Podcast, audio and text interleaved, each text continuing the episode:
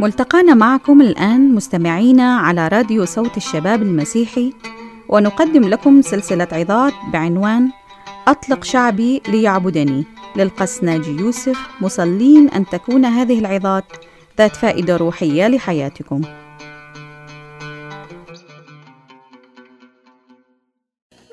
الله أبونا آه، يهمه أن إحنا نكون في حالة من الفرح والانتصار والقوة. لأنه لأنه أبونا ملك الملوك ورب الأرباب.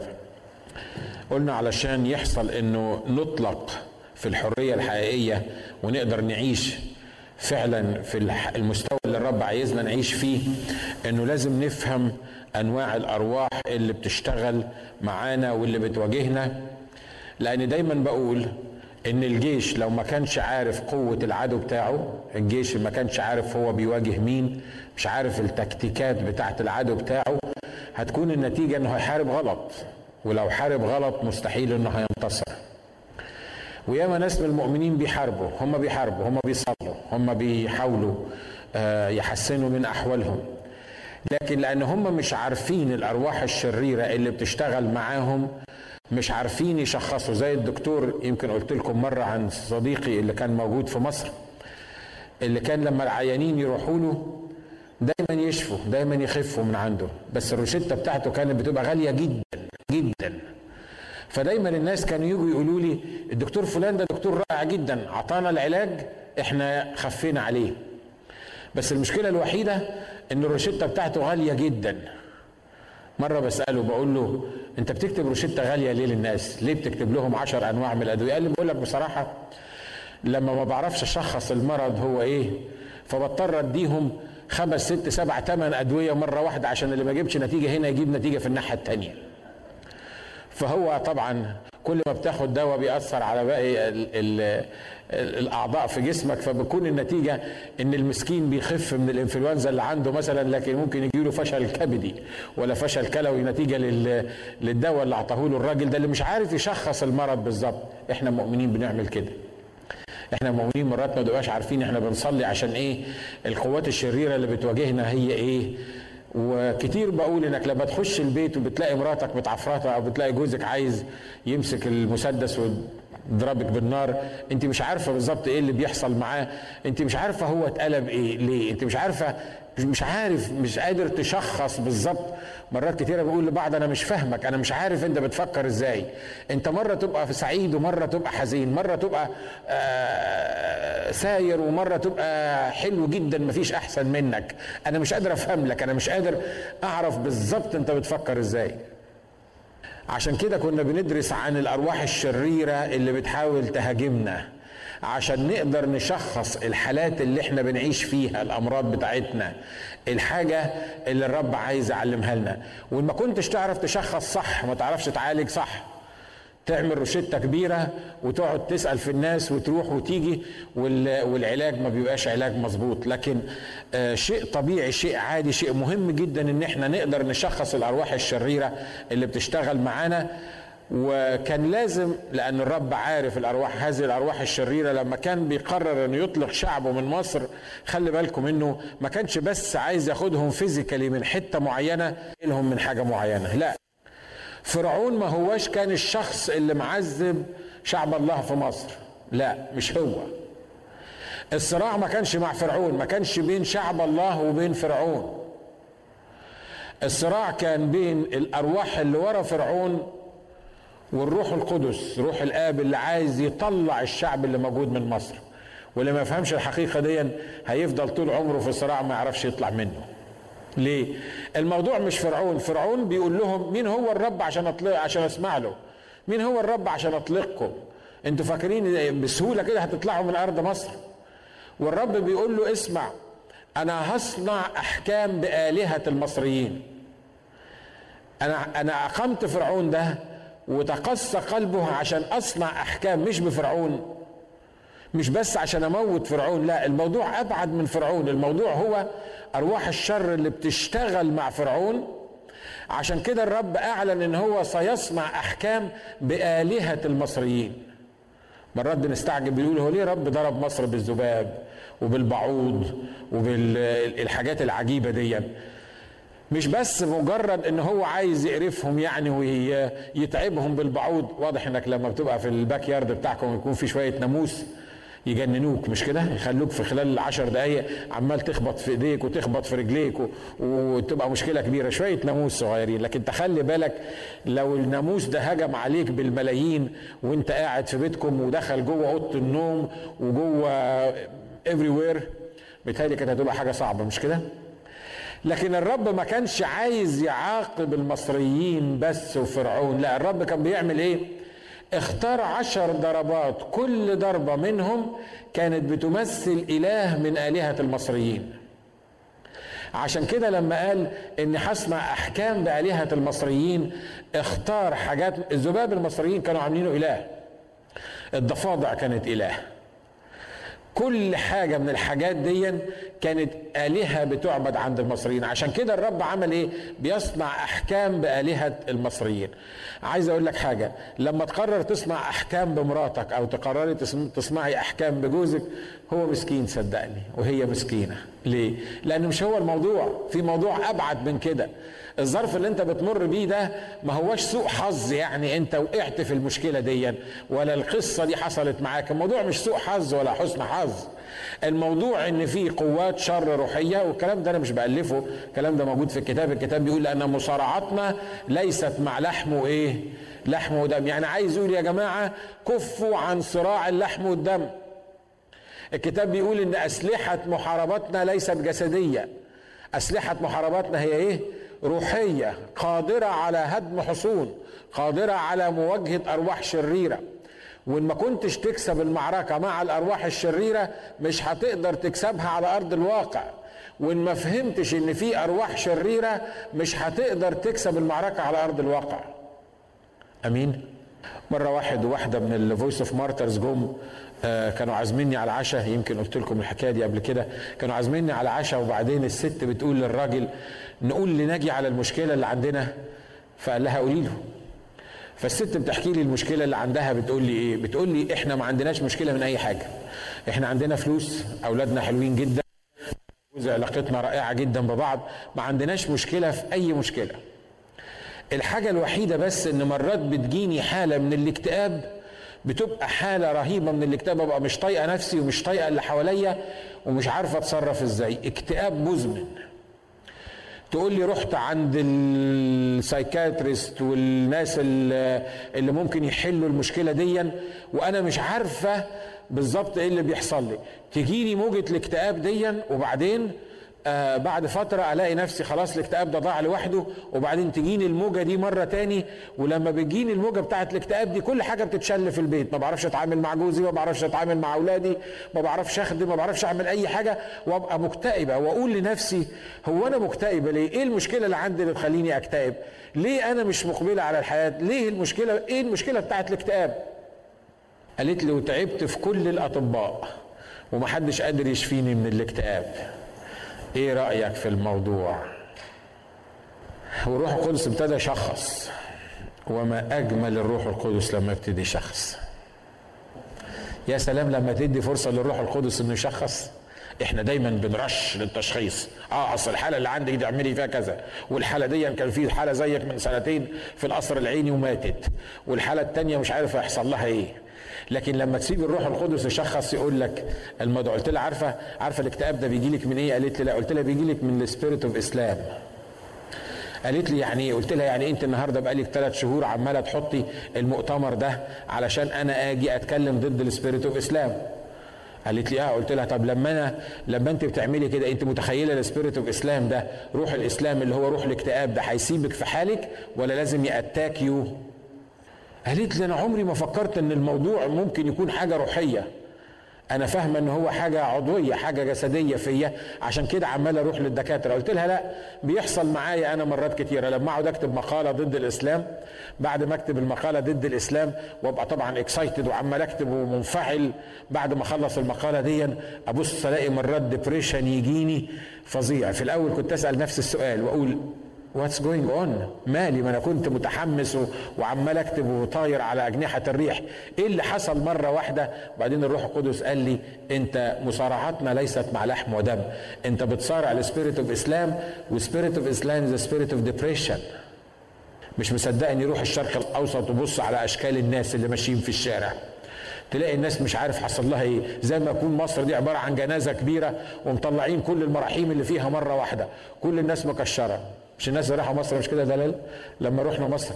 دلال المرة اللي فاتت لما راحت مصر تقول لي هو مال الناس؟ هم هم الناس مكشرين كده ليه؟ هو إيه اللي حصل في مصر؟ إيه الجديد اللي حصل في مصر؟ اللي حصل في مصر إن في حاجة اسمها spirit of Islam دي control الناس دي لأن ما عندهمش joy ما عندهمش فرح ما عندهمش أمل ما عندهمش تطلع. الأمور عمالة تسوء. فالنتيجة هي إن روح الإسلام يعمل روح الاكتئاب. مش مصدقني روح الكنيسة في مصر. تسمع 90% من الكنايس تسمع الترانيم اللي موجودة في مصر تعمل لك الترانيم جوه الكنيسة عارف ليه؟ لأن الناس كلها تعبانة فلما بيجوا الإخوة يجتمعوا مع بعض في الكنيسة بيرنموا إيه؟ ظروف يا رب ما أصعبها اسرع وتداخل فيها وسط البحر الهايج وأنا عايش مش عارف تلطمني أمواج وتجعل يا رب الكل تخلوا عننا وانت أبونا تحس إنك قاعد في جنازة كبيرة مش ناس بتسبح الرب وبتعبد الرب وبتصلي. وبت... عشان كده إحنا خدنا قرار من زمان إن مفيش غير ترانيم التسبيح اللي تترنم في الكنيسة دي. كم واحد بيحس إنه فرحان في الترنيم عندنا؟ Praise God. اللي أنا عايز أقوله هو إن في حاجة اسمها أرواح شريرة هي اللي بتحاول تهاجمنا وما كناش نعرف نشخص هذه الأرواح الشريرة بطريقة صحيحة مش ممكن تعرف تصلي ضدها بطريقة سليمة. الست دي قالت لي أعمل إيه؟ قلت لها ولا تروحي لدكاترة ولا بتاع أنا عايزك تجيبي شريط تسبيح تسبيح بس تسبيح وموسيقى. يكون تسبيح وموسيقى كده من الشرايط الحلوة الإنجليزية مش العربية لأن زي ما بقول لكم 90% من الترانيم العربي بيجيب اكتئاب. نشكر الله لأجل ال 10% ونصلي إن هم يزيدوا. لكن اني anyway قلت لها تجيبي ترانيم كده ترانيم أمريكية إنجليزية كويسة وتخليها عندك. أول ما يجي لك الاكتئاب ده روحي دايسة على الزرار شغال الترانيم. شوف اللي هيحصل لك إيه. بعد ثلاث شهور اتصلت بيا قالت لي يا ريتني كنت قابلتك من زمان. بدل ما صرفت فلوسي عند الدكاترة والناس التعبانين دول أنا مخلية شريط في العربية وشريط في البيت. أول ما يهاجمني روح الاكتئاب أروح دايسه على الشريط أسمع التسبيح أتنطط العملية بتاعت الاكتئاب تضيع. حد جرب الحكاية دي قبل كده؟ ها؟ متهيألي كلنا جربناها مش كده؟ اتكلمنا عن أرواح كتيرة ومش هنراجعها تاني. روح الفشل وروح الاكتئاب وروح الخوف. وكتير من الأرواح اللي إحنا محتاجين نشخصها وإحنا عايزين نطلق من الحالة اللي إحنا موجودين فيها. لكن حرب الأرواح دي إحنا محتاجين تتوفر شوية حاجات فينا علشان نقدر نحصل على الحرية. لازم عشان الشعب يطلق لازم يحصل على الحرية لازم يتوفر فيه شوية حاجات. تعالوا نشوفوا إيه اللي حصل مع الشعب دون في سفر الخروج. لما آه الرب دعا موسى وقال له إيه؟ قال له, قال له تعالى عشان أنا عايز أرسلك إلى إيه؟ شعب إسرائيل. في خروج ثلاثة بيقول الكلمات دي. إن الرب كلم موسى في عدد ستة بيقول ثم قال أنا إله أبيك إله إبراهيم وإله إسحاق وإله يعقوب خروج ثلاثة وعدد ستة. فغطى موسى وجهه لأنه خاف أن ينظر إلى الله. فقال الرب إني قد رأيت مذلة شعبي الذي في مصر وسمعت صراخهم من أجل مسخريهم. إني علمت أوجاعهم فنزلت لأنقذهم من أيدي المصريين وأصعدهم من تلك الأرض إلى أرض جيدة واسعة إلى أرض تفيض لبنا وعسلا. عدد تسعة بيقول والآن هو ذا صراخ بني إسرائيل قد أتى إلي ورأيت أيضا الضيقة التي يضايقهم بها المصريون. فالآن هلم فأرسلك إلى فرعون وتخرج شعبي بني إسرائيل إيه؟ من مصر. أول حاجة لازم تتوفر فينا عشان الرب يطلقنا هي إن إحنا نحس بالحالة اللي إحنا موجودين فيها. نحس بالضغط اللي إحنا موجودين فيه. نحس بالحرب الروحية. نحس باحتياجنا إلى إن حد يتدخل وينقذنا من الحالة اللي إحنا موجودين فيها. تقول لي هو أي واحد في حالة صعبة؟ طب ما طبعا لازم يحس. هو في حد ما بيحسش؟ لا صدقوني ما بنحسش. مرات كتيرة حتى الحزن بيعجبنا وبنبقى عايزين نستمر فيه. الفشل مرات نعمل self pity party على أنفسنا ونحاول إن إحنا نبرره لنفسينا. ناس كتيرة ناس كتيرة بتبقى في الوضع اللي المفروض إنها تطلع منه ما بتقدرش تطلع منه. الرب ضرب مصريين بالضفادع. فرعون صرخ قال له آه يا رب يا رب يا موسى تعالى صلي للرب علشان يطلقنا عشان يطلق الضفادع دي ويخلصنا منها. موسى سأل فرعون سؤال عجيب جدا بيقول له عايز إمتى الضفادع دي تتشال؟ فكر معايا لحظة أنت دلوقتي بيتكم مليان ضفادع الكتاب بيقول إن حتى المعجن بتاعهم الأكل بتاعهم العيش الخبز وهم بيخبزوه الضفادع كانت بتخش في العجين بتاعهم. دي مش ضفدعة ولا اتنين يعني بيجروا وراها فجأة حصل حرب من الضفادع. انت قادر تتخيل المنظر؟ ها؟ فكر فيه كده تخيلوا حرب من الضفادع. الضفادع ملت أرض مصر دخلت على السراير بتاعتهم ودخلت على العجين بتاعهم. ما كانش فيه ثلاجات لكن دخلت على الخزنة اللي حاطين فيها الأكل. كل حتة بيشوفوها ضفادع. وموسى بيقول له بيقول له عين لي إمتى أصلي لك علشان الضفادع تتشال من عندك؟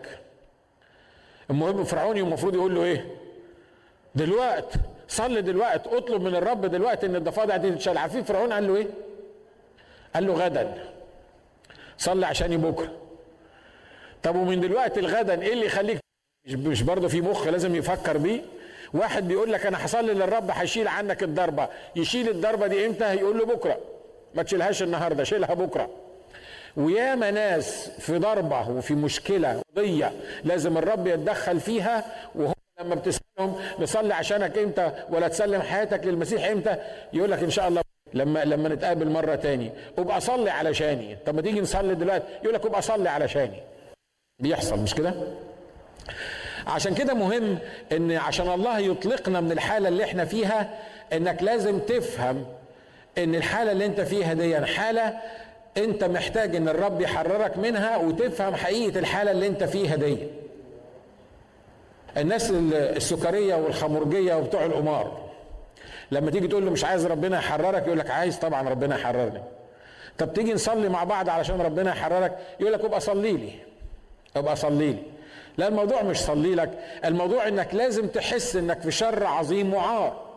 الموضوع إنك لازم تعرف دلوقتي إنك محتاج الحكاية دي وتطلب من الرب الحكاية دي لأنك لو أجلتها كمان شوية عشان أصلي لك مش هينفع الصلاة اللي هصليها لك لأن الرب عايز يطلقك دلوقتي آمين؟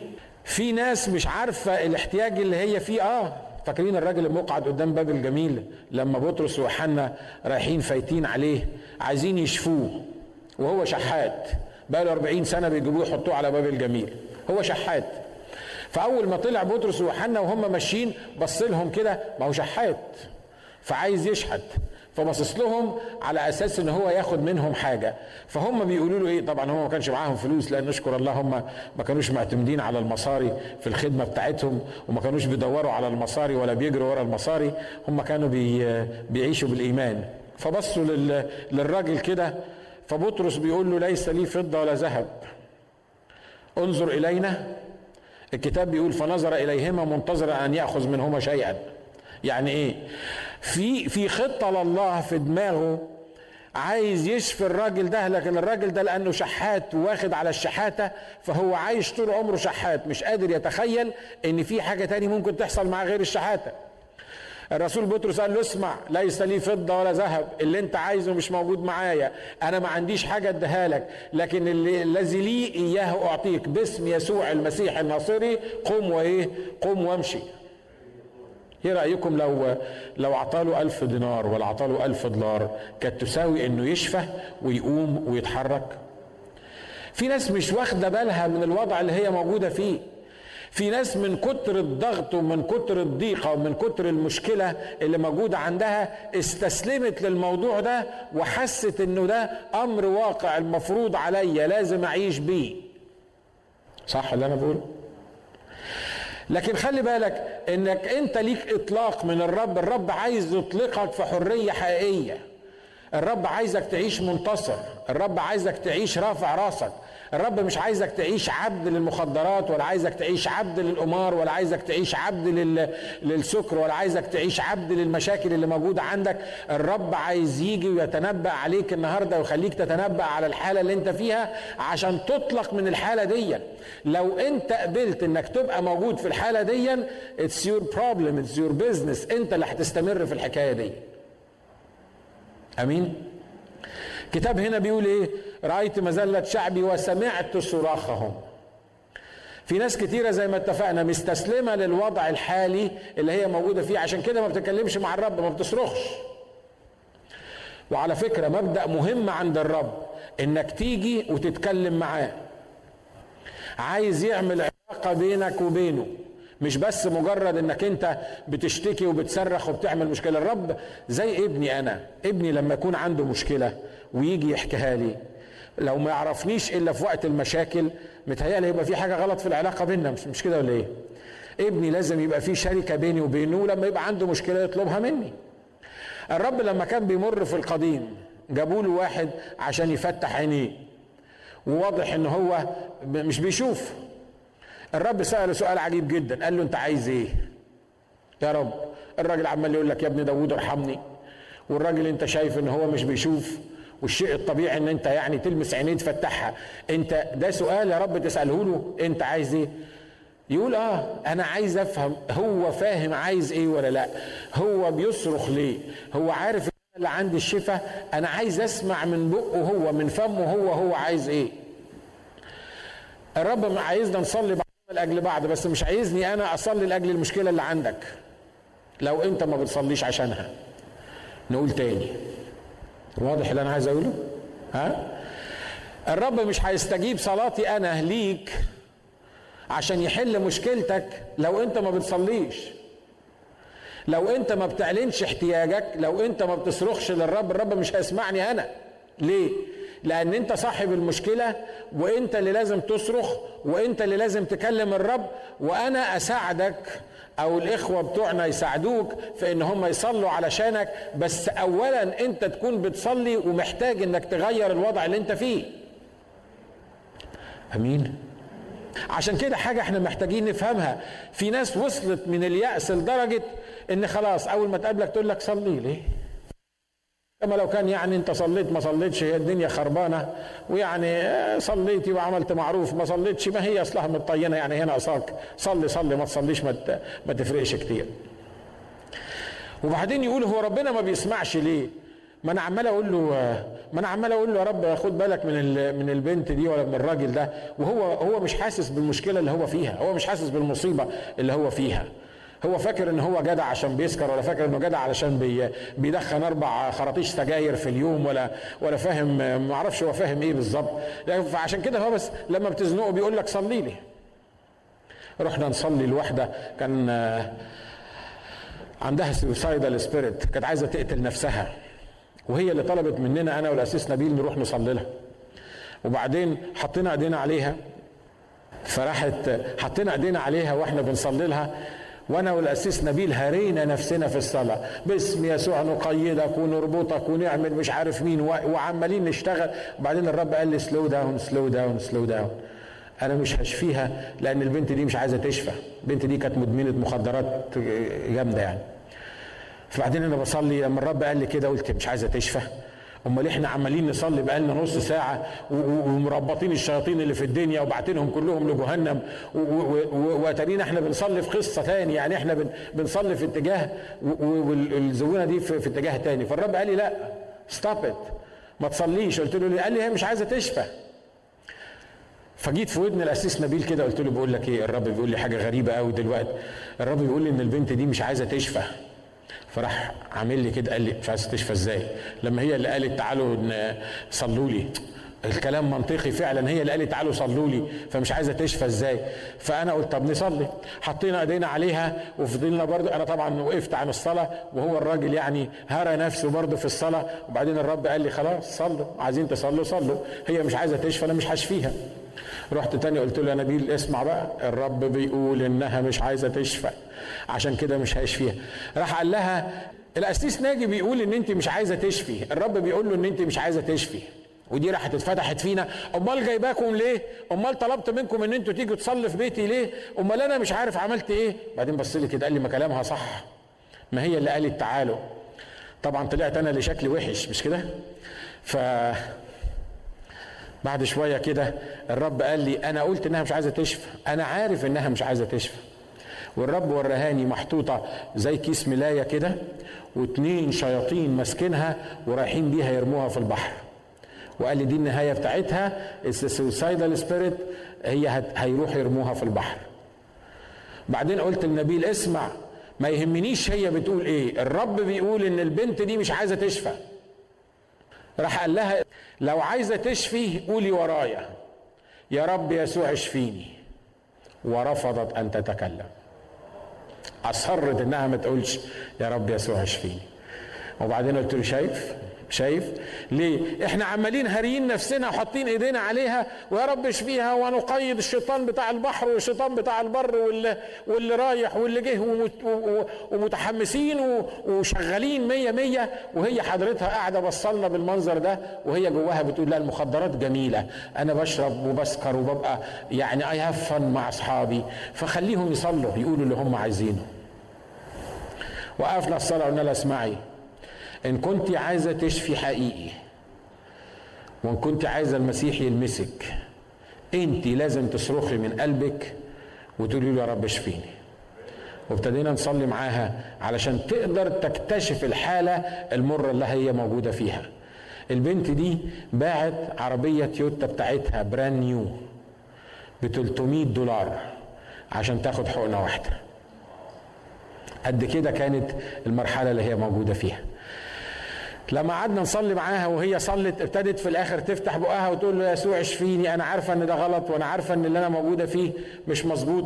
ابتدت هي تصلي وإحنا نشجعها وهي بتصلي هي تصلي وإحنا نصلي معاها. وابتدت من قلبها تفتح قلبها للرب والرب في الآخر وراها لنا وهم بيحلوها. يسوع جه وقف في النص كده وقال حلوها ودعوها تذهب.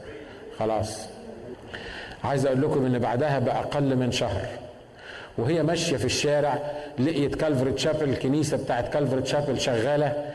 قالت ما أخش جوه أشوف إيه اللي بيحصل. دخلت جوه طلعت من الكنيسة خليقة جديدة وهي النهارده خادمة. إن كان لكم أي سؤال أو استفسار فلا تترددوا بالاتصال بنا والرب يبارككم.